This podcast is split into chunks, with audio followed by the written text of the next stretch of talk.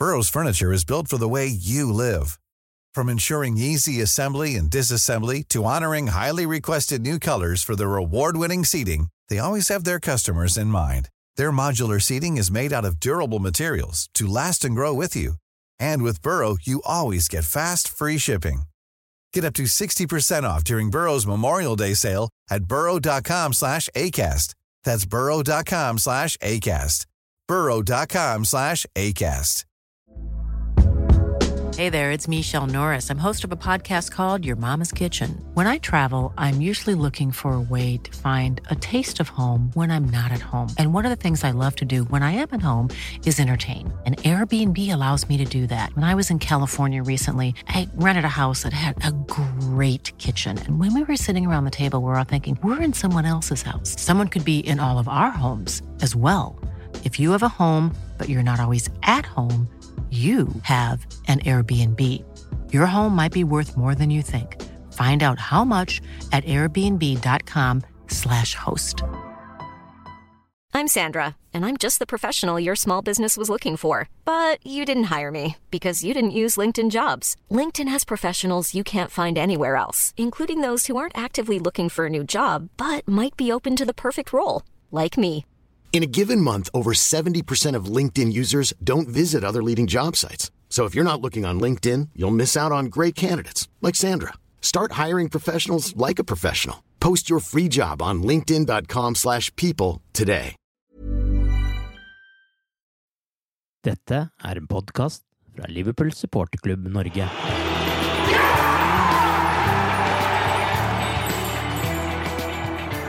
For Liverpool var det bare én måte å redde inn sesongen på, og det var å kvalifisere seg til neste års Champions League. Og det klarte de med en veldig god sluttspurt. I pausepraten til Cop-Out-podkasten er tiden kommet for sesongoppsummeringen og se litt fram mot neste sesong. Arve Vassbotn heter jeg, og med meg i denne episoden er Torbjørn Flatin og Tore Hansen. Det er ingen flere kamper å snakke om, og jeg skulle til å si ingen flere vareavgjørelser å diskutere, men akkurat det er kanskje for tidlig å si. Det er jo et EM som også kommer. Men uansett, Liverpool endte sesongen på tredjeplass. Ut ifra forutsetningene da sesongen startet, så var jo det en skuffelse. Men Torbjørn, denne sesongen har tatt mange vendinger. Hva er dommen over sesongen for din del? Altså Sjøl om det spesielt på slutten uh, kom et løft med, med headinga til Alison uh, før det, så slo vi United på bortebane. Men alt i alt så greier jeg liksom ikke å, å ta fram de store jubelropa. Jeg, kan, jeg, jeg, greier ikke å kalle det en suksess, egentlig. Jeg føler jo mer at det er det er sommeren som er redda, uh, egentlig. Altså mm.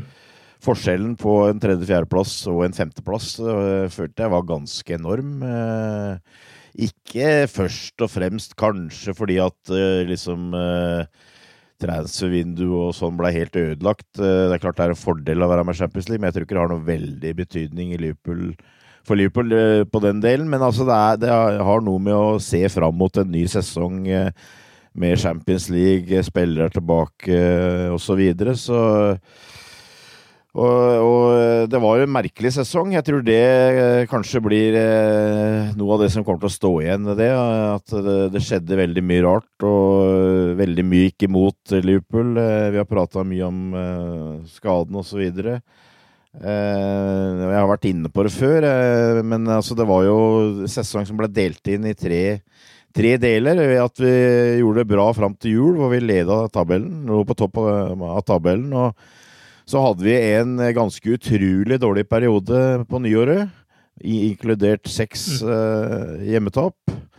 Uh, og uh, vi kan skylde mye på skader og sånt, men det er nesten utrolig at det går an å tape seks kamper på rad hjemme, syns jeg, med det laget Liverpool har hatt. og det de, de år, foregående sesongene vi hadde. Og kanskje var det litt sånn at uh, Eh, vi begynte å synes litt synd på oss sjøl. Eh, og gjemte oss litt bak eh, alle problemene. Og så tror jeg det, som jeg også har nevnt før, altså jeg tror det var et par ting som, som gjorde at vi greide å snu dette her. Og to, to av de viktigste tror jeg var at Klopp eh, gjorde det veldig klart på at han skulle fortsette som Liverpool-manager. Når det var rykter om at han kanskje var i bildet som tysk landslagssjef. Og i tillegg så tok han en avgjørelse med å kjøre Fabinho opp på midtbanen og på en måte bære eller briste. Da spiller vi med det vi har i midtforsvar. og det, det tror jeg fikk en veldig positiv effekt, som da bidro til at vi fikk en god avslutning. Jeg syns ikke det var noe suksess, men vi, vi kom ned, med, ned på beina. Og før de seks eh, strake tapene som du nevnte hjemme, så var det jo altså 68 kamper der Liverpool var ubeseira hjemme, som bare setter det i enda større kontrast, denne nedturen eh, de kampene var over nyttår. Men Tore, hva er din dom over sesongen nå? Eh, ja, du sa vi hadde ikke flere kamper å prate om eh, innledningsvis, Arve, men det blir jo feil. Vi har masse kamper å prate om her, men eh, Ingen nye, ingen da. nye. Eh, jeg skal ikke gjenta alt Torbjørn sa, men jeg er jo enig i, i det meste av det med, med, med skade og, og, endringer på laget. Hva vi fikk mulighet til å gjøre fra midten av mars og, og ut der vi redda sesongen. Eh, etter å ha fått inn forsterkninger forsterkning helt, helt på tampen av, av transfervinduet. Og, og, og, klare på en måte å redde inn sesongen, for det var jo sånn det ble. Det var kun snakk om å redde sesongen, og, og det så jo ingen for seg i eh, september, når, når ligaen starta. Uh, da skulle vi vinne et nytt ligagull, eller forsvare ligagullet, rett og sagt. men tre, tre, faser av denne sesongen hvor det midterste dessverre ødela alle muligheter til det. Og det eneste jeg vil bare eh, legge til, egentlig, eh, det er det at jeg har aldri opplevd noe tilsvarende har skjedd med Liverpool som, som det som skjedde fra, fra nyttår og fram til, til, midten av mars, da disse tapene kom. og vi, uh, vi, sleit enormt. Uh, selvfølgelig, vi, vi, sleit reelt med laget. Vi sleit med å finne elleve spillere som var spilleklare til de forskjellige kampene. Vi, vi, det er jo godt dokumentert hvor mange forskjellige versjoner holdt på å si, av, av midtstopper vi har hatt denne sesongen det har jo vært annerledessesongen. Det har vært eh, covid-året, selv om det teknisk sett har gått over to år. Det, det er skademarerittet. Det er året det ble bratt for, for Klopp. Det er VAR, og det er en håpløs hands-regel. Eh, og det er til syvende og sist òg et lag der en lurer litt på hvor går videre. Vinaldum er den første på en måte som bryter ut et uh, kloppkom av spillere som Jørgen gjerne vil beholde. Jeg føler Continuo var litt en annen type kategori. Men uh, hva skjer videre? Hva skjer med kontraktfornyelsene til, til høsten med halve laget, på en måte, som skal ut i kontraktsforhandlinger? Så det er mye å snakke om og mye spennende som, eh, som skjer videre. Det er òg litt sånn Hvis du ser med det store perspektivet, da, som av og til kan være lurt, da, så har vi spilt 29 sesonger i Premier League. Vi har snittplassering på 4,41, altså en fjerde-femteplass. Og vi har vært øh, nummer én i Premier League, altså kun Premier League dette én gang. Vi har vært nummer to fire ganger, og vi har vært nummer tre fem ganger. Så øh, bare fem sesonger har vi gjort det bedre i hele Premier Leagues historie iallfall enn øh, en i år. Så med det i bakhodet så, så går det an, eh, som, som Torbjørn var inne på vi, vi, overlevde. Vi klarte Champions League, men vi, eh, eh, om ti år til så, så, blir ikke dette huska sånn som vi husker det nå.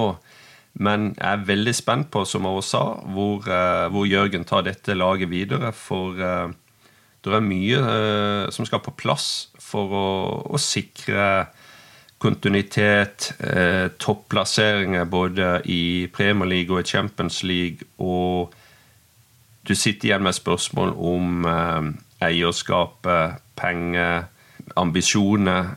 Hvor, eh, hvor, eh, hvor, hvor, står vi egentlig denne sommeren? Mm. Bare, bare, legge til en liten ting her som jeg vel egentlig på en måte glemte å ta med, og som jeg tror kanskje ikke Tore var innpå heller. Altså, det var en sesong uten fans, stort sett. Ja. Uh, og uh, jeg tror det det, det er, vil bli helt annerledes neste sesong, og der tror jeg Liverpool har et veldig godt kort. Uh, og jeg tror ikke vi har tapt de seks hjemmekampene på rad hvis vi hadde hatt fullsatt Anfield. så alle, alle, kom til en måte på kort, og det var en merkelig sesong hvor flere kamper ble vinner borte enn hjemme osv., men jeg tror kanskje Liverpool også der trakk et på en måte kort strå med at vi ikke fikk lov til å ha med fansen. Så må det legges til, selv om det ble nevnt at vi hadde en bra innspurt, men 15. mars så var vi nummer åtte på tabellen, og vi var egentlig kjørt av. Vi var egentlig falt av lasset. Men eh, Så det skal ikke glemmes den, den opphentinga vi hadde med egentlig ikke så mange spillere tilbake heller, bare at uh, de nye som kom inn, fikk satse. Vi, vi justerte Vi fikk, vi fikk uh, Fabinho opp på midten. Og uh, sakte, men sikkert begynte å, å, vinne kamper og ta poeng. Og vi, vi fikk 26 av de 30 siste. og det er, det er, veldig bra, faktisk, uansett sesong. Og en skal ikke glemme at det er noen store helter her òg, med både Karbakk og Williams og, og Philip, som eh, hjalp og gjorde en nesten uvurderlig innsats i forhold til der vi sto, og i forhold til sitt eget utgangspunkt som spiller, til å, å hjelpe Liverpool til Champions League her. Før sesongen så ville jo alt annet enn en uh, ny ligaseier uh, nærmest være en nedtur etter at man vant i fjor og skulle liksom bare bygge videre på det. Men underveis i sesongen her, med alt det som skjedde, så må man jo på et vis justere hvilket mål man skal ha også når man ser at den førsteplassen ryker. Og, og det var jo faktisk en følelse allerede ved nyttår, når vi leda, at det nesten var utrolig at Liverpool fortsatt leda. Iallfall hadde jeg den følelsen. fordi det hadde jo gått veldig gærent for veldig mange andre lag underveis der også, og Liverpool hadde ikke stråla selv om de toppa. Så man hadde jo litt følelse av at det gikk nesten litt for enkelt å ha den førsteplassen på det tidspunktet, syns jeg iallfall. Ja, det var, det var en merkelig sesong. Det var annerledes sesongen. og alt det som uh, har blitt nevnt her, og, og spesielt uh, det med, med, publikum og med, altså, Som jeg skrev på Twitter etter en av disse nederlagene altså, Dette hadde ikke det Kopp tillatt, altså med, med publikum ja. tilbake. Uh, så det, det, er mye å se fram til, da. og ja. jeg gleder meg enormt. altså avslutninga på sesongen gir meg litt trua på fotball igjen.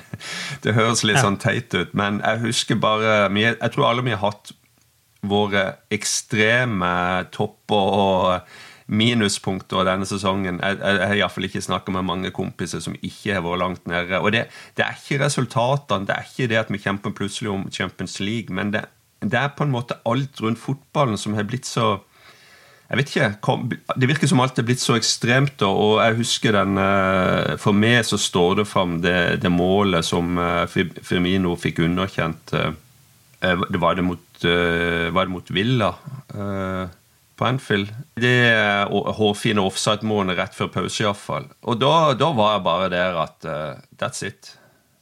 I'm mm. finished.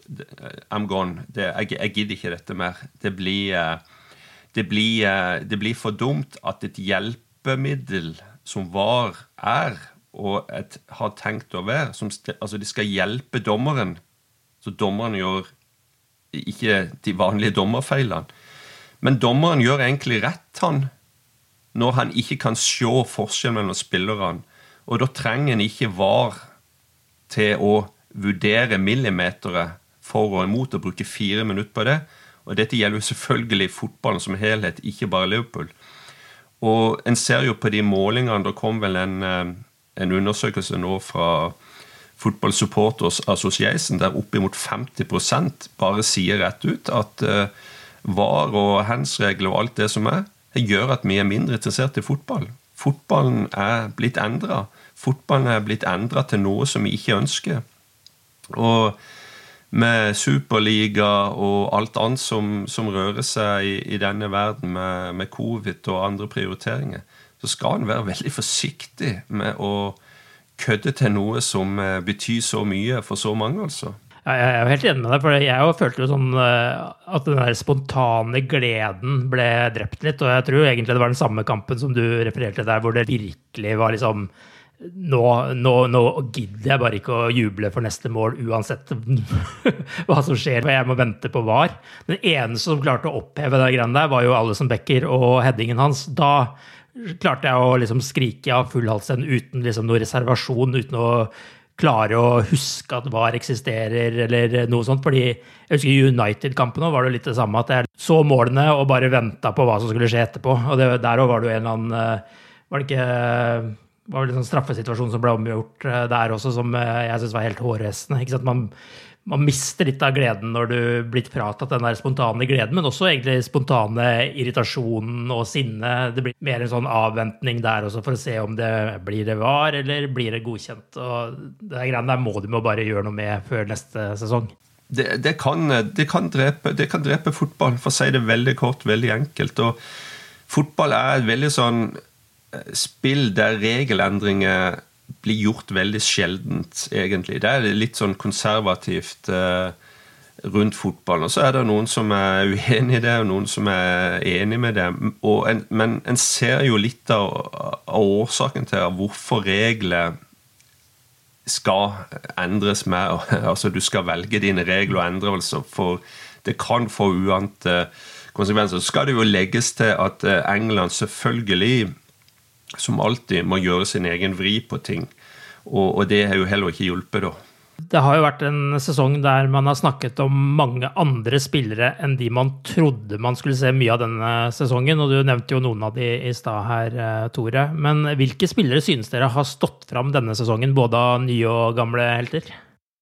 Hvis jeg ville hatt øh, Skulle jeg hatt en topp tre og, og, og, hva skal jeg si Gjerne det være en slags nøktern, da, for å si det sånn, og kanskje ikke la følelsene gå helt der, så tror jeg kanskje jeg ville hatt eh, toppskårer Mo Salah øverst. Eh, Kjempa tross alt om eh, toppskårertittelen hele veien, og eh, det var viktige mål eh, for oss. Eh, og, Fabinho syns jeg tross alt også eh, viste hvilken viktig spiller han er. først og fremst på slutten, hvor han var med og fikk mer fasong på laget, men også det at han tross alt eh, var god å ha som vikar i Midtforsvaret når det, det var behov, sjøl om ikke det funka like bra eh, hele tida, så var det ikke hans skyld, følte jeg egentlig. Og så er jeg nødt til å ta med Nathaniel Phillips. Eh, som uh, egentlig sto fram som en helt på slutten, syns jeg. Som var uh, av flere andre som gjorde en uh, heltemodig innsats. Uh, den som virkelig sto fram. Og det var vel eh, På de ti siste kampene så spilte han åtte, og vi vant alle åtte. Jeg tror ikke han kommer til å få noe lang eh, Liverpool-karriere, men uh, han skal ha all heder og ære av de, uh, de kampene han spilte i år også. Så det er absolutt en uh, jeg, jeg, jeg, velger å kalle den en helt. Og jeg syns også, pluss i boka, at Reece Williams og for så vidt Kabak også uh, som gjorde en innsats. Og, ehm, Mother's Day is around the corner. Find the perfect gift for the mom in your life with a stunning piece of jewelry from Blue Nile. From timeless pearls to dazzling gemstones, Blue Nile has something she'll adore. Need it fast? Most items can ship overnight. Plus, enjoy guaranteed free shipping and returns. Don't miss our special Mother's Day deals. Save big on the season's most beautiful trends. For a limited time, get up to 50% off by going to Bluenile.com. That's Bluenile.com. Hey, it's Danny Pellegrino from Everything Iconic. Ready to upgrade your style game without blowing your budget? Check out Quince. They've got all the good stuff shirts and polos, activewear, and fine leather goods, all at 50 to 80% less than other high end brands. And the best part? They're all about safe, ethical, and responsible manufacturing. Get that luxury vibe without the luxury price tag. Hit up quince.com slash upgrade for free shipping and 365 day returns on your next order. That's quince.com slash upgrade. Burrow is a furniture company known for timeless design and thoughtful construction and free shipping. And that extends to their outdoor collection. Their outdoor furniture is built to withstand the elements, featuring rust proof stainless steel hardware, weather ready teak, and quick-dry foam cushions. For Memorial Day, get 15% off your Burrow purchase at burrow.com slash ACAST and up to 25% off outdoor. That's up to 25% off outdoor furniture at burrow.com slash ACAST. Since 2013, Bombas has donated over 100 million socks, underwear, and T-shirts to those facing homelessness. If we counted those on air, this ad would last over 1,157 days. But if we counted the time it takes to make a donation possible, it would take just a few clicks. Because every time you make a purchase, Bombas donates an item to someone who needs it. Go to bombas.com slash ACAST and use code ACAST for 20% off your first purchase. That's bombas.com slash ACAST, code ACAST. Hiring for your small business? If you're not looking for professionals on LinkedIn, you're looking in the wrong place. That's like looking for your car keys in a fish tank. LinkedIn helps you hire professionals you can't find anywhere else, even those who aren't actively searching for a new job but might be open to the perfect role. In a given month, over 70% of LinkedIn users don't even visit other leading job sites. So start looking in the right place. With LinkedIn, you can hire professionals like a professional. Post your free job on linkedin.com slash people today. Og hvis vi skal liksom ta med. Altså, jeg syns jo uh, Yota var et positivt innslag. Uh, Blei litt uh, ødelagt med skader og sånt, noe som gjorde at han fikk et par pauser. Uh, Tiago er i skuffen for spillere som skuffa tidlig, men det er jo ikke uvanlig at sjøl rutinerte spillere trenger litt tid for å komme inn i engelsk fotball og kloppfotball, men var god på slutten. Mm. Et uh, moment som gjør at uh, det ser veldig spennende ut foran neste sesong. Uh, I tillegg så Hvis du skal ha noen unge spillere som står fram, så er det så er det ikke så mange av dem, men Curtis Jones tok et par solide skritt videre på vei mot, om ikke fast startplass, så i hvert fall en fast mann i troppen rundt laget hvem veit, et år eller to så er kanskje han den offensive midtbanespilleren som vi kanskje savner litt akkurat nå.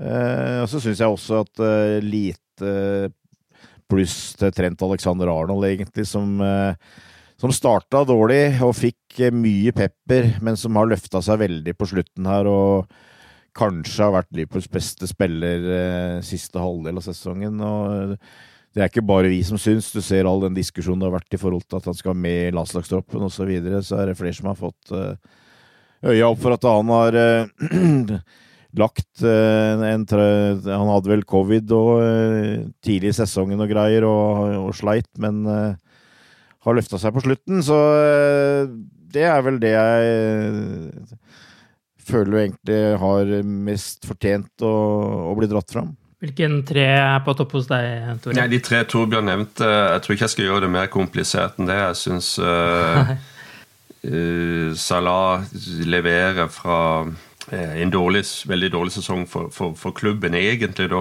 men er liksom en rød tråd gjennom Ja, fra september til, til, mai, som sagt. og Fabinho er med å redde stumpene bakerst en periode. Og er vi vel egentlig den som alle er enig i er katalysatoren på den gode innspurten eh, når han eh, endelig får eh, spille på midtbanen igjen. Så, så de to er helt ubestridte. Så har, så har du hatt spillere som har hatt kanskje litt ups and downs. Nå ja, det er ikke mange nykommere, da, men Jota må en vel si har levert. Uh, Alison har, be, bekrefta sin uh, status som uh, en, en, helt mellom, mellom slengene som vi, ønsker å beholde i mange, mange år til. selv om han har hatt sine ups and downs, han òg, med litt Riktignok med litt uvante folk foran seg, som nok er påvirka i enkelte kamper. Eh, men at Nat Williams kommer på pallen, det er jeg ikke eh, uenig i heller. Og eh, jeg kan godt skrive under på den. Som sagt, du må, du må jo vurdere spillerne i forhold til utgangspunktet. Og utgangspunktet til, til Mr. Phillips, som som kom inn uh, uten at egentlig veldig mange hadde trua på han, og med tanke på det han faktisk har levert, det, det, er, det er, imponerende, rett og slett. Så han, han fortjener gjerne en, en, en, pallplass, som sagt. Veldig synd for han, selv om det var 10 000 inne på siste kamp, men veldig synd for han at ikke får oppleve et fullsatt Anfield, kanskje. Det vet vi jo ikke ennå, men han er jo 3-24 år. og kan, som Torbjørn sier, være en av de som vi må ofre for å skaffe midler til å, å kjøpe spillere. Eh, så sånn sett så har han jo spilt seg opp i verdi òg, i det minste. Men eh, at de kan få oppleve fullsatt Anfield, et kopp som eh, står og synger Nat Williams in the air, det, det, det hadde han fortjent. Så bare av den årsaken så håper jeg nesten han, eh, han blir i klubben.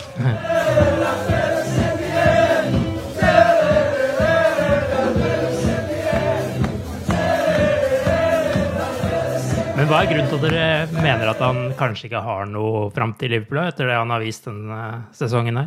Jeg tror rett og slett det er noen fysiske begrensninger der, altså med, med først og fremst tempo, som har gjort at Liverpool nok har uh, gått på et lite kompromiss nå på slutten ved å ligge litt lavere. At han skal gjøre jobben med å rense unna i feltet osv., istedenfor at du ser for deg en framtid med van Dijk og en partner som skal ligge på midtstreken og å bruke farten som et viktig våpen eh, på baller som eh, blir spilt i bakrom eh, osv.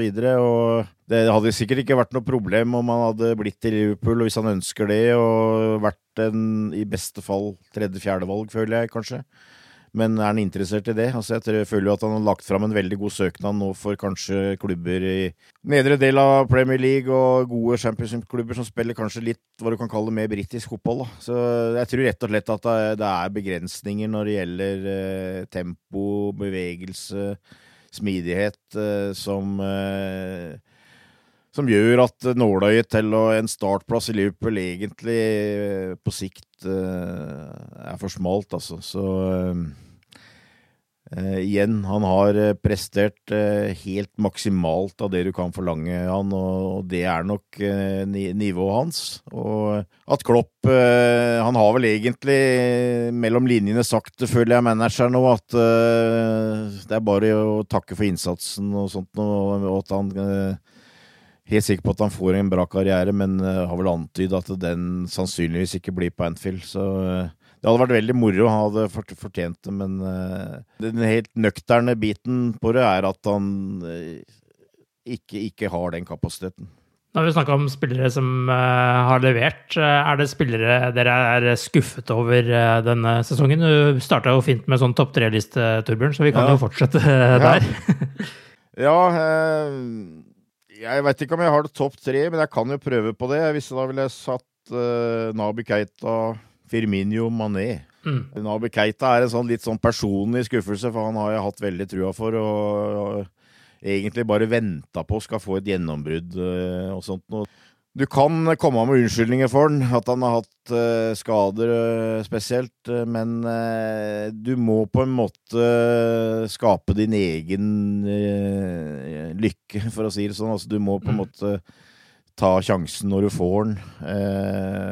Og isteden så bare venter vi og venter vi, og uh, han får en sjanse i en viktig kamp, ikke sant, og så uh, vi greier han ikke å vise seg fram. og det er, det er begrensa hvor mange sjanser du kan få, og uh, det virker ikke som det dessverre blir noe av. Det er mye fint prat, og nå han, har han vært god på trening, nå har han like om gjøre noe sånt, men dessverre jeg har mista trua på, på, han, og jeg syns det har vært skuffende det han har vist de gangene han har fått sjansen det året her. Så det, det, er, det, har jeg en mistanke om kommer til å gå inn som et av de ytterst få dårlige kjøp etter Klopp.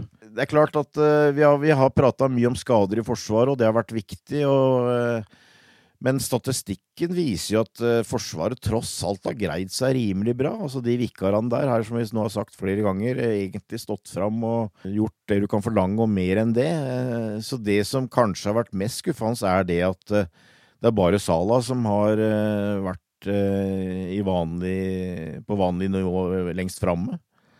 Mm. Selvfølgelig, det er et sammensatt problem med at du var Hvilke arbeidsforhold har du? Åssen eh, spiller Liverpool? Eh, hvor mange sjanser ble, kommer, osv. Men altså, jeg syns både, både Firmino og Mané har hatt eh, sesonger som har vært klart under pari. Bobby syns jeg egentlig har slitt over ganske lang tid. Nå syns jeg det var enkelte tendenser på slutten, at det kanskje var litt bedre. Skåra et par mål osv. Og, og jeg håper at han snart nå kan komme tilbake litt mer for alvor igjen. og lovende, mens Mané eh, vel starta ganske bra. Men eh, når problemene begynte, så virka det som han mista veldig mye sjøltillit og sånt. Og egentlig ganske utrolig dårlig en periode, syns jeg, på slutten. Mm. Så dem var helt klart under pari. En annen en som jeg fikk veldig sansen for etter å ha sett den i en omgang mot Chelsea, røktignok mot ti mann, var Tiago. Kjempespiller. Jeg har for så vidt sett den litt før òg, men, eh, men så, men så dabba det litt av, som jeg har nevnt, og øh, virka som han hadde litt trøbbel med intense spill, spill, i Premier League, hvor nesten hver takling ble et gult kort en periode, osv. Men på slutten så var det tilbake igjen og, og var sjef, og eh, det, det, er en spiller som jeg syns er herlig å se på, med, med, overblikk og teknikk. Og jeg tror han kommer til å bli en veldig viktig spiller til neste år, men uh, denne sesongen så var det litt sånn halvt, halvt om halvt. Uh, utover det så er det Jeg veit ikke Det som kanskje skuffer meg litt, egentlig, er at uh, jeg syns det er veldig få av de der eh, spillerne som har vært liksom litt på kanten, som har greid å, å, vise seg noe særlig fram. Altså, jeg tenker på Minamino, Oxley Chamberlain, Shakiri. altså mm. uh, Spillere som du har på benken, og som du håper skal kunne påvirke spillet når de kommer innpå. Jeg syns ikke de har tatt sjansen. Uh, og der føles det som et behov for å få en opprensking. og og at en to-tre av de der uh, forsvinner, kanskje, og at vi kanskje får inn en annen type, uh, egentlig. Men uh, det er nok òg som noe som har skuffa meg litt. Åssen er det med deg, Tore? Har du noen andre, lang, navne, andre navn på lista du enn Torbjørn her, eller er det samme? Ja, det er, det er jo mye det samme, men, og, men jeg tenker jo litt sånn helhet her igjen i forhold til at alt er vanskeligere når et lag, eller kanskje til og med en tropp, da, ikke er i flytsone. Når uh, laget på en måte ikke henger sammen som det ofte, ofte gjorde. Og, uh, Thiago ble nevnt her. Langtidsskade. han var ute med han fikk viruset og var ute av den grunn. Og, det, jo, det fikk jo, altså Covid fikk jo både Mané og Eh, Trent òg. salar Salah for så vidt. Eh, og det er jo sånn der spørsmålstegn i margen. Har det påvirka de? Har det Altså, det er jo nokså sånn ferskt dette i forhold til hva som er av langtids Både korttids- og langtidsvirkninger her. Altså Hvis du bare fungerer 95% på det nivået Eh, Premier League-app, og iallfall når du kjemper helt til toppen. Er det godt nok? Blir, bli lagt merke til? Det føler jeg er litt sånn eh, udokumentert, for å bruke det uttrykket. Men sånn som Tiago, da, har han egentlig spilt på én midtbane som han var tiltenkt å spille på, nesten i en eneste kamp? Nei. Ikke sant? Det var ikke og, ja. Og, og, ja, for var det, var det, Hvis var Fabinho, Tiago Henderson, for eksempel? Yes, ikke sant. Ja, Og så har du ja, selvfølgelig Vinaldum der som Altså én mann inn og ut, da, men altså de fire på en måte som, som ligger og, og, og veksler. og det, Derfor så blir det veldig vanskelig å vurdere folk når de kanskje ikke kan spille i en rolle i gang på midtbanen som de er tiltenkt, sånn som han i, i periode gjorde vel når uh, Fabinho spilte midtstopper. Eneste gang de tre har spilt sammen, så vidt jeg husker, forresten, bare for å nevne det, er vel mot Everton i mm. den kampen ja. hvor uh, van Dijk ble skada, mm. og også da Thiago. Thiago. Ja. Ja. Det, og det, der spilte vi jo en bra kamp, forresten. Um, det er jo det som er vanskelig å, å vurdere, uh, all, alt dette som vi snakker om nå. Men en må jo ta det for det det er, og en vet jo fasiten. Firmino eh, kan lett måles på mål. Eh, Mané eh, delvis òg, i forhold til iallfall i fjorårssesongen. Men, men Mané så syns jeg det kanskje går litt mer på Det er kanskje litt enkelt å si, men humøret Jeg, jeg føler liksom hodet dropper for fort. Et par ganger som han helt riktig har blitt hva skal jeg si, fratatt et, et frispark på 18-20 meter, muligens, eller noe sånt. Du, du ser bare han gir nesten, nesten opp, selv om det var rett han skulle hatt frisparket. Men du kan ikke, en, en så god spiller kan ikke la seg altså, prege av sånne ting. Jeg, jeg synes kanskje at det gjelder kanskje flere enn han, men små ting som ikke er blitt store ting før, blir store ting denne sesongen. Og det går nok òg mye på resultatet og eh, den følelsen som er internt i, i, i troppen når du eh, ja, f.eks. taper seks hjemmekamper på rad. Hva, hva, hva, søren gjør du da? Hvordan skal du klare å snu det? Det fins jo ikke noe enkle svar på en måte. En må bare jobbe seg gjennom det, og så kommer det frustrasjonsperioder eh, underveis. og Det er jo sett på, på Klopp òg i, i, samtale med journalister etter, etter, etter kamper. Det, det tærer på absolutt alle involverte her. Det er blitt holdt møter, det har blitt eh, diskutert på bakrommet. Litt derfor så er det veldig vanskelig det det er, mye vanskeligere å analysere en sånn sesong enn en god sesong. Men, eh, ja. men Mané, Firmino de, de har ikke holdt den eh, standarden de har holdt uh, de siste årene. Og det er, jo de, to, det er jo to av de som har spilt mest kamper òg, i forhold til uh, andre spillere som vi har snakket om i denne sammenheng. Jeg er veldig spent på Tiago kommende sesong. Jeg tror han blir en viktig spiller. Ikke bare for han er en veldig bra spiller, men for han er en rutinert spiller. Og det er jeg spent på hva som skjer, spesielt på midtbanen, da, med Vinaldum, hvordan han blir erstatta. For det vi iallfall trenger eh, i det rommet der, det er òg rutinerte hoder.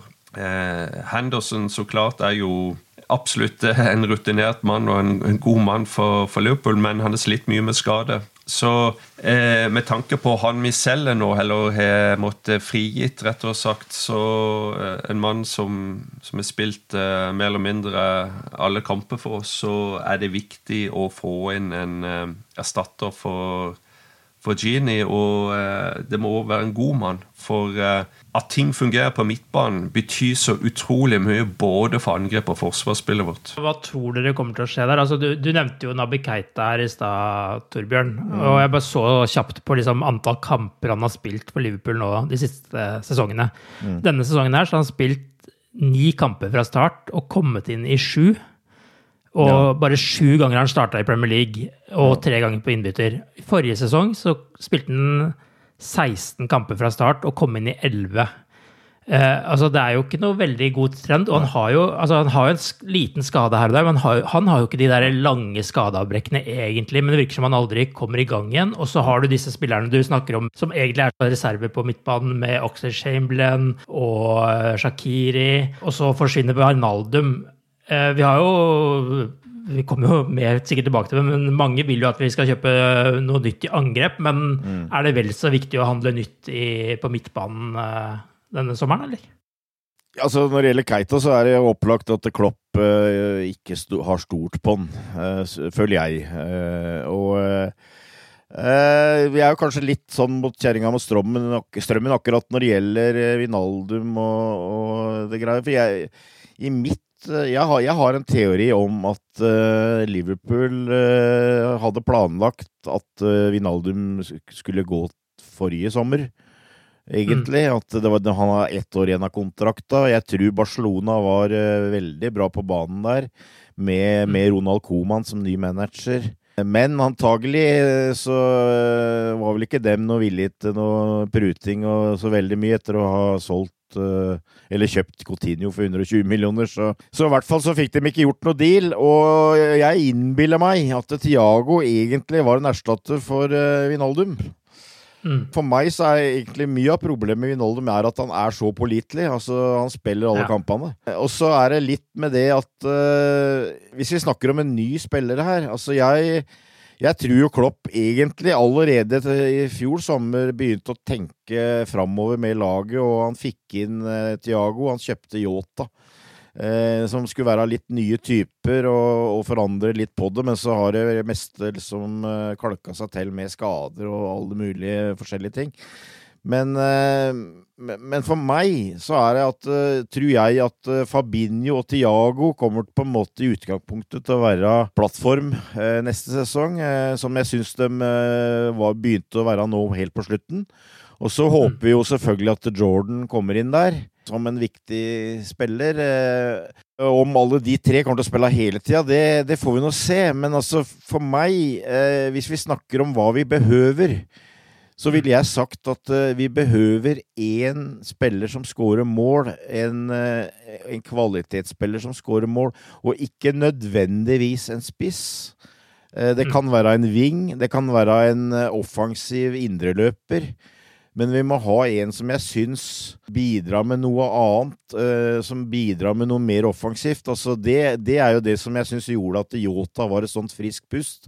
Her fikk du plutselig en inn som begynte å dra til med skudd fra 20 meter. Som slo en vegg eh, og kom seg inn i feltet. Som dribla et par mann og avslutta. Eh, som jeg syns, syns det er sjelden. Altså, du har Vinaldum og for så vidt Diago Henderson. Altså, det, veld, det, er veldig sikkert, eh, og det er ryddig, og det er klart det er viktig, sånn som Liverpool spiller, at vi ikke får kontringer imot osv., osv. Men det er et eller annet som gjør at vi, jeg syns vi savner et, en sånn eh, som kan åpne litt opp, og det håpa jeg jo egentlig Keita skulle bli. Eh, men det har han aldri blitt, egentlig. Og eh, vært, jeg vet ikke om vi kommer tilbake til det for så vidt, men altså Curtis Jones er jo den som på en måte har kommet litt fram her. Og han føler jeg jo egentlig også har litt av det at han kan bli med offensivt og sånn, men, men, at han kanskje har konsentrert seg veldig mye om å på en måte gjøre den eh, hva skal jeg si, bas, basejobben om at eh, han skal være sikker med ballen. Han skal, eh, han skal, ikke miste ballen, han skal være et uh, pålitelig punkt. Altså, det er jo noe av grunnen til at Shakiri og de gutta der spiller såpass lite. For jeg tror ikke Klopp helt stoler på dem sånn, sånn, sett, egentlig. Men jeg, jeg savner en som er, har uh, Som kan bidra litt mer med Bidra opp på ti mål, for eksempel. Altså. Og, mm. og hvis, hvis, vi snakker om uh, nye spillere til, før, neste sesong, så hadde vi fått én sånn spiller, så, så hadde jeg egentlig takka ja til det. Uh, Sjøl om mm. jeg i utgangspunktet har sagt at vi kunne godt tenkt, trengt én spiller i hver lagdel, og altså én midtbanespiller og én angriper. Men, uh, men, hadde vi fått, fått den riktige spilleren, så tror jeg kanskje jeg hadde Eh, sagt ja takk. Når vi ser på målstatistikken for denne sesongen, da, så har det jo, hvis vi bare tar Premier League, da, så har Salah 22 mål, Mané har 11, Firmino har 9 og Shota har 9. Men så ja. har du da resten, og det er altså 14 mål til sammen på resten av laget. Og da er bl.a. Alison Becker en av de som har skåret. Men fra midtbanen så jo, har Manaldum skåret to ganger. Og Trent Alexander Arnold har skåret to ganger da fra bekken, mens ellers er det ett mål på, på resten. Så det er jo måte Du har, har, jo ikke fått noe hjelp fra midtbanen sånn skåringsmessig her. Det har jo nei, nei. vært tungt for de foran. Nei, og en, type som Keita eller Curtis Jones, det er klart de skal Hvis de spiller regelmessig, så skal de skåre seks-sju mål, i hvert fall. Mm. Mm. Skal si det, Curtis Jones har fire til sammen, men da er det ja, to ja. mål i ja, ja. ligacupen og ett i Champions League. Men eh, i Premier League så, så, er det bare ett også for han. Jeg, kritiserer ikke Curtis Jones egentlig, men jeg bare føler at uh, uh, han har på en måte ikke uh, sluppet i tømmene, for å si det sånn. Altså, mm. det, det, har vært litt reseksjoner her, tror jeg. Jeg, jeg, tenkte litt på Curtis Jones tidligere når vi snakket om eh, spillere som er skuffa. Men jeg er helt bevisst så vil jeg ikke nevne han på en måte. Men egentlig så er jeg litt skuffa. Mm, og, og, og, grunnen er rett og slett det at jeg syns han hadde en, en bra, bra, høst. Og jeg syns han spilte en eh, f.eks. en veldig bra kamp var det mot eh, Tottenham hjemme, når vi vant eh, 2-1 på overtid der i november, tror jeg det var. Um, og da følte han uh, Spilte kjempekamp og var vel uh, mer eller mindre man of the match. Og, og du tenkte her uh, får vi en veldig nyttig spiller for oss ut sesongen med tanke på, på skader og mye trøbbel og alt det greiene der. Men han tok liksom ikke det skrittet, og du følte at han uh, hadde mye, mye mer å gå på uh, utover nyåret. Som, han, han, tok ikke alle mulighetene han fikk, på en måte. og Litt vanskelig å komme med noen god forklaring, egentlig, bortsett fra akkurat det som jeg snakka om. At uh, den, den, sjansen han, som kom, den, den tok han iallfall ikke med, med, begge hendene. Så litt skuffa er jeg, men jeg har veldig trua på han fortsatt. Så spennende å, følge han videre. Så får vi jo Elliot tilbake, og jeg tenker liksom at han går inn litt sammen med de fire hva skal jeg si, på topp, da, og, og får Eh, sjanse fra benken og en del eh, noen starter her og der i, i cupene osv. Så, videre. så det er òg en spiller som blir veldig eh, spennende å følge utviklinga på, spesielt etter en god sesong i Blackburn nå. Nå ser det ut som Ozan Kabak skal forsvinne, da, og så inn kommer dobbelt så dyre Ibrahima Konaté, som ble handlet inn allerede fem dager etter serieslutt her. Hva tenker dere om den signeringen? Altså, jeg, jeg, har ikke sett veldig mye av Kona T, men jeg så den her nå eh, denne uka her eh, på Frankrike U21, er det vel. Det er klart han er kantete, og han er uferdig, eh, men han har noen rå spissegenskaper når det gjelder fart. Og, og, for så vidt Det fikk ikke akkurat se i den kampen der, men jeg veit han er også er en sånn type som kan gå gå med ballen. Eh, komme med forseringer framover osv. som jeg tror passer Peller bra for Liverpool. Så jeg eh, ønsker det velkommen, eh, definitivt. For jeg føler at det er en sånn type som Klopp liker, og som jeg tror han ser veldig fram til å jobbe med. For han må nok jobbe litt med den, men du kan se for deg at han står høyt i et midtforsvar i Liverpool, altså.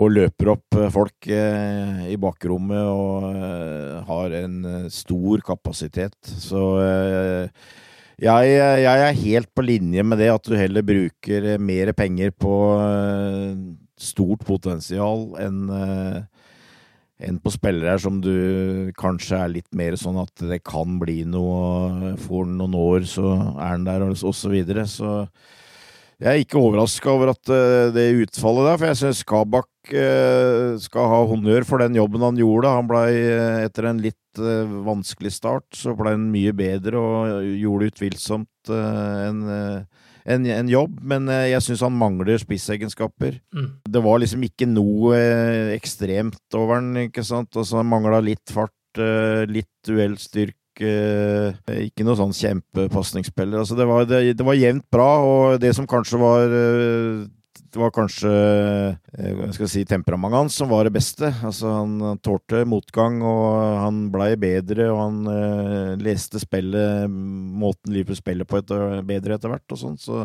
så, sikkert en veldig bra mann å, å jobbe med, men eh, det er eh, det, skal, det skal være eh, trangt å komme inn som en antatt eh, kandidat til å spille fra start i, i midtforsvaret til Liverpool, og det det forstår jeg at han ikke på en måte ble vurdert som. Altså, jeg, jeg eh, ønsker velkommen eh, den avgjørelsen der. Konaté var jo også kaptein i den kampen uh, som gikk her om dagen. Det er vel også et poeng å få inn en ny lederskikkelse i laget, iallfall som kan bli det på sikt? Ja, men han minner, minner, meg jo litt om Saco, egentlig. Eh, men bare, bare enda råere. Ikke si det, ja. Da, Nei, ikke sant? det orker jeg ikke. så, men da, da, Vi veit jo åssen det gikk, da, så kanskje han skal være litt forsiktig. Men uh, nei, jeg tror Jeg håper kjemien blir bedre mellom Klopp og Konate enn han blir med, med Saco, da. Men, mm. ja, men, eh, ok, jeg holer inn den igjen, da. jeg vet vi har forskjellig syn på Saco, så du skal få lov å ha dine meninger om den. Men ja, ja, de kommer vel faktisk, eh, når du nevner det, de kommer vel fra samme akademi òg, de. Fra eh, Paris FC, eller hva det het. Som vel brøyt løs fra Paris Saint-Germain på et eller annet tidspunkt. Så kanskje det er flere likhetstrekk enn, enn jeg håper, iallfall akkurat der.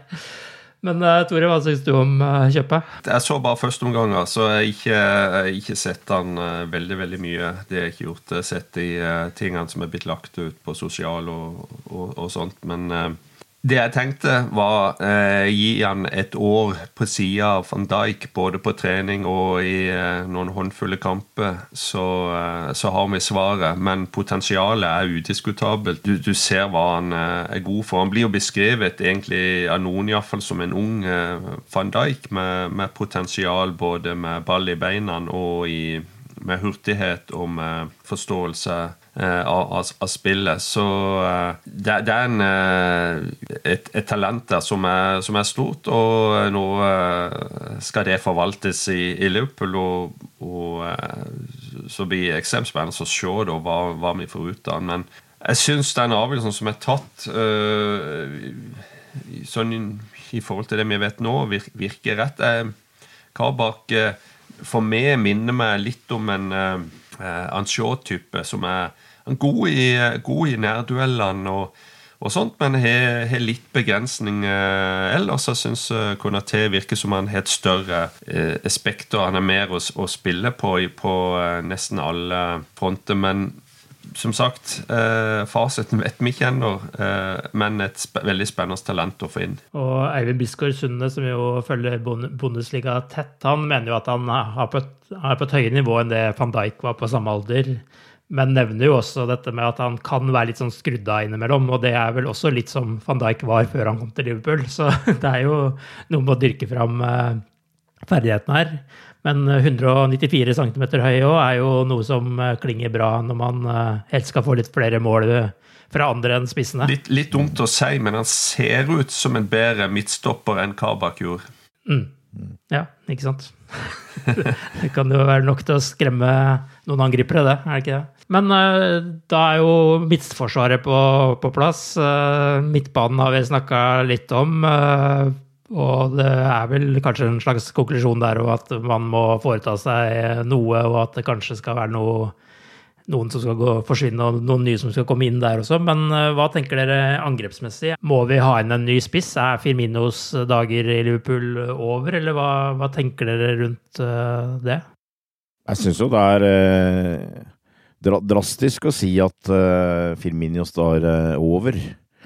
Mm. Men men han, han må øh, mer, øh, føler jeg, enn han har gjort. Øh, jeg syns som sagt at det var antydninger til noe bedre nå på helt på slutten av sesongen, men Totalt sett så, så, må han løfte seg, det er, det er jeg ikke tvil om. Det, det, er en sånn negativ trend med at de tre fram, frem, fremste scorer mindre. Eh, altså når du i tillegg da nevner det at midtbanen bidrar lite, så det er klart at eh, det er noe vi må se på, som jeg sa. at Jeg, jeg føler at vi, vi, er nødt til å jeg, Eller jeg er overraska hvis ikke det som er øverst på blokka til Klopp, er en som man eh, forventer skårer en del mål.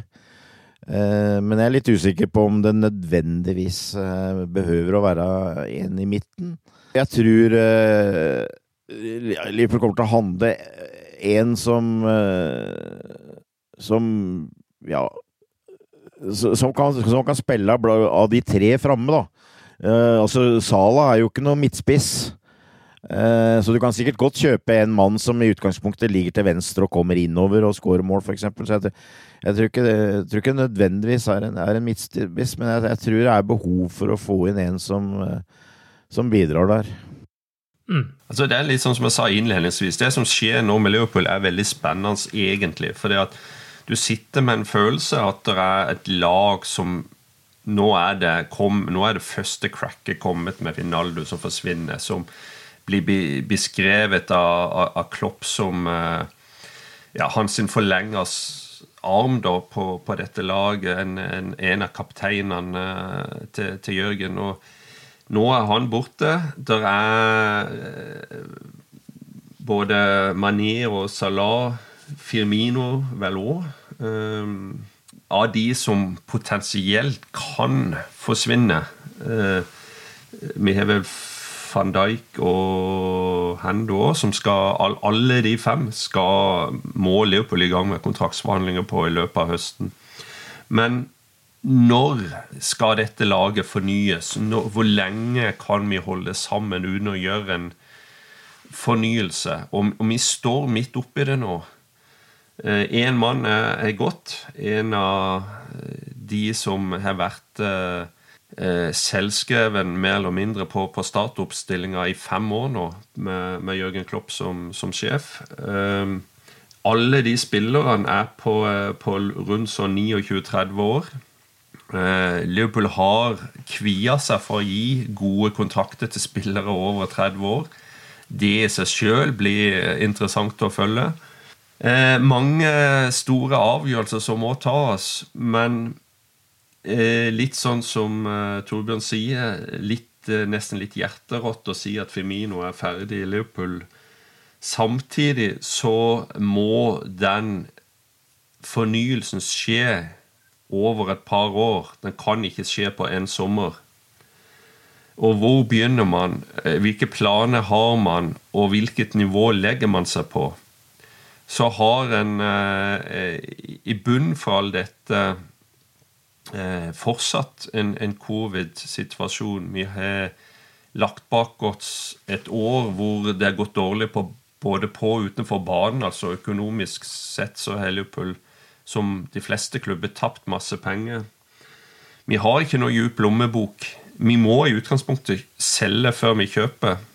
Eh, så hvordan kommer vi ut av dette, og hvor står vi om to år til? Det er ekstremt spennende. For, for skjer det ikke mye denne sommeren, så er det nødt til å skje ganske mye neste sommer. Ja, fordi vi har jo nå et lag hvor du har ikke sant, Hvis du tenker de som er 28, 29, 30 år, da, så er jo både Alison er der, Salah er der, begge de til 28.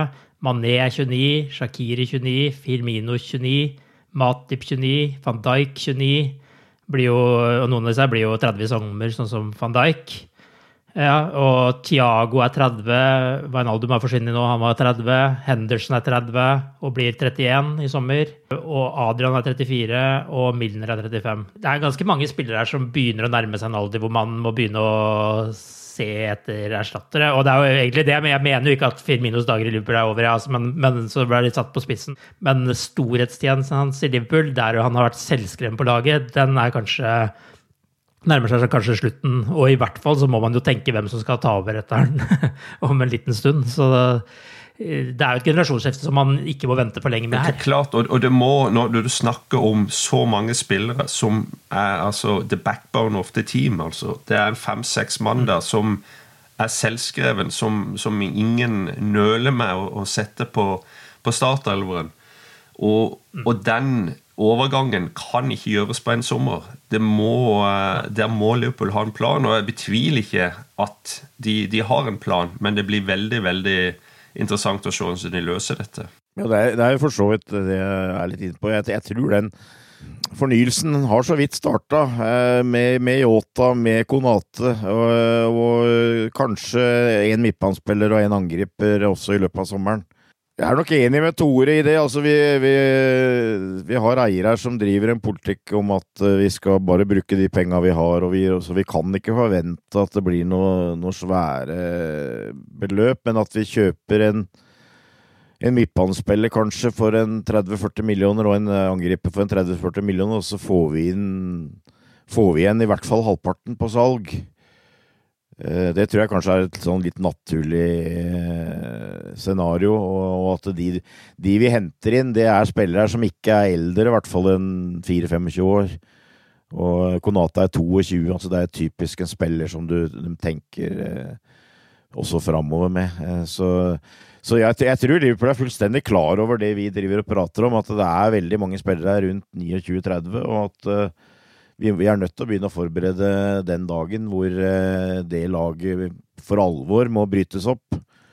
Mm. Eh, og så vil jo da prestasjonene avgjøre mer når det tidspunktet eventuelt blir. Så kan vi jo håpe at eierne har så dårlig samvittighet over Superliga sånn at de har lyst til å blidgjøre oss litt med å åpne opp lommeboka med litt bedre i sommer, da. Det hadde vært veldig moro, men jeg, jeg holder ikke pusten, for, for, å si det sånn. Men uh, da må vi selge spillere. Hvilke spillere tror dere vil forsvinne i sommer? Altså, det er jo veldig markedsavhengig dette her også, men uh, hva, hva, ser dere for dere? Ja, det, det, er som du sier, det er veldig markedsavhengig, og det er, uh, det, det er liksom ikke Du kan ikke drive helt sånn championship manager og si at han skal ut, han skal inn og sånn hele tida, fordi det har et Det er et spørsmål om tilbud og etterspørsel, og jeg er helt sikker på at du kunne satt opp en ganske lang liste med spillere som du ser for deg kunne forsvinne ut, i hvert fall spesielt uh, offensive spillere, hvor du har uh, Oxlade Chamberlain, uh, hvor du har Shakiri, kanskje Minamino, Keita Origi, ikke sant. du har kanskje Du har kanskje Nathaniel Phillips, for eksempel. Harry Wilson. Ja, ikke sant. Harry Wilson, han Grucic. Mm. Eh, som har vært på utlån. Eh, så det er klart eh, det er mulig å kunne få inn noen pund for dem.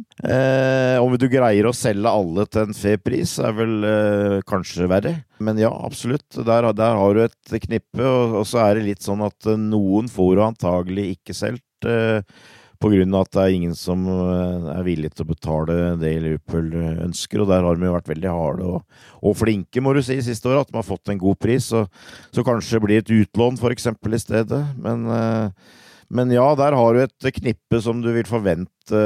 Si at du får inn 50 millioner, da. Det, det syns jeg ikke er noe urimelig håp, i, i, i hvert fall. Så eh, jeg tror vi kanskje vi har nevnt, nevnt de fleste der, men det det, det, er ikke, det, er ikke, bare å si at han skal ut. Altså det, er, er, det, er, litt med om at det er noen som eh, viser etterspørsel.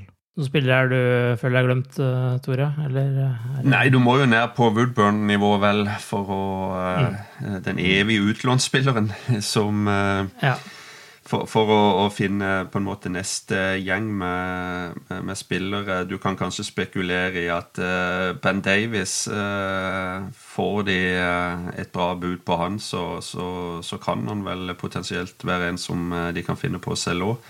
Spesielt hvis de kaster inn Phillips, at de kan få inn en 45-50 millioner, da. Det, det, er vel innenfor rekkevidde hvis alt klaffer. Men så, så, litt sånn som Torbjørn sier, at det kan uh, finansiere en uh, bra slash klassespiller, og, og, at det kommer inn en til i tillegg, så, så er det vel det nivået Liverpool ligger på nå. 16.6 så kommer terminlista. Er det sånn at dere gleder dere til ny sesong allerede nå, eller trenger dere noen dager på dere før dere kommer dit? Nei, akkurat nå, eh, sånn som eh, de siste ukene av sesongen ble og, og på en måte egentlig ting som er skjedd etter sesongslutt så, så, gleder jeg meg faktisk til, til å se terminlista og begynne å Prosessen med å legge hele denne sesongen bak meg for alvor og, og bare tenke Ja, få inn positive tanker til høsten med, med publikum. med et uh, nytt i gåseøyne Liverpool-lag og uh, iallfall en ny giv uh, rundt klubben. For jeg tror alle er veldig veldig innstilte på å, å vise at uh, den sesongen som vi har hatt, ikke er representativ. Det er ikke det vi har jobba for de to-tre siste sesongene. Og, og, og, det tror jeg òg kan være positivt, for det er en ting som vi kanskje ikke har nevnt, men jeg snakket om før, iallfall er den der utladninga etter å vunnet ligagullet som jeg føler òg er en faktor her, og at vi nå er, er ferdig med, med, alt det greiene der. og har mye mer sånn eh, gutsy innstilling, kanskje, eh, for en kommende sesong enn det muligens vi hadde foran eh, siste sesong. Hva tenker du, Torbjørn? Eh, bør Liverpool eh, være tilbake som en tittelutfordrer neste sesong? Ja, det, det, føler jeg at jeg skal greie å komme med argumentasjon for. At vi skal være med opp i toppen. og og jeg, jeg, jeg, gleder meg til neste sesong, og jeg, jeg gleder meg til å se eh, en fulltallig tropp. Og jeg mener vi har nok kvalitet der til å være med. Og kanskje er det litt sånn at vi, av det som har skjedd denne sesongen, her, så er vi tilbake litt grann i angrepsposisjon, og det, det er bare en fordel. Mm. Jeg tenkte vel før denne sesongen her at det kom til å dreie seg om Liverpool og Manchester City. og det det tror jeg fortsatt hadde gjort hvis, eh, hvis ting hadde vært eh, Kall det mer eh, normalt, da. Men nå ble det ikke sånn. Og så, og så tippa jeg Chelsea og United på de to neste plassene. Det var, var for så vidt et brukbart tips. Så, mm. Og jeg, jeg, ser for meg, og det er klart det, det kommer ikke til å bli noe lettere til neste sesong, fordi de andre klubbene som jeg har nevnt her, dem kommer nok til å ta fram sjekkheftet, alle tre. Uh, men jeg ser for meg kanskje neste sesong hvor de fire som nå endte øverst uh, i Premier League, det blir de fire som ender øverst neste sesong òg. Uh, og at det jeg, jeg, har litt vondt for å se at det er noen andre som helt skal, skal melde seg på i, der. Så at, jeg, jeg, tror vi, vi, kommer til å være med der. Uh, og, og, og, være med å kjempe. Og vi har jo vist at vi er mye bedre enn Manchester United, egentlig. Det, det er vi jo. ja da, ja da. Altså vi, vi, kan være veldig gode. Eh, vi kan være veldig gode, men uh, det, det, har litt med, med, muskler å gjøre. Jeg tror, jeg, tror, uh, jeg tror fortsatt vi kan ha en veldig god sjanse til å komme opp med Manchester United, men de kommer nok til å bruke litt penger til sommeren, dem òg. Jeg, har ikke noe lyst til å prate opp dem, men eh, jeg, jeg tror jeg blir en topp fire-klubb. Eh, det gjør òg Chelsea. Chelsea hadde jeg tru på foran denne sesongen her, eh, men Frank Lampard Det er jo nesten utrolig når du ser nå hvilken dårlig jobb han gjorde, syns jeg. For med, nå er de plutselig et helt annet lag med han Tuchel. og og dem kommer også til å sikkert kjøpe et par spillere og de er allerede gode. Og City er City, så ja, i, i, mitt hue så får du liksom en litt topp top fire der, og, men, men, Liverpool er med der, helt klart. Og ja. når vi har spillere som eh, som Alison, som van Dijk, som Fabinho, eh, som Thiago og som de angriperne vi har, så eh, Jeg syns det er grunn til å være optimistisk jeg, foran denne sommeren. Det er godt å høre. Med det så sier vi tusen takk til alle som har fulgt oss i The Cop Out-podkasten gjennom denne sesongen. Vi kommer nok til å ha litt mer sporadiske episoder utover sommeren, men har fortsatt våre daglige oppdateringer på fem minutter om alt som skjer i Liverpool. Med det så sier vi bare ha det bra så lenge, og nå gleder vi oss til neste sesong. Ha det bra. Ha det, ha det. God sommer. Håp the Reds.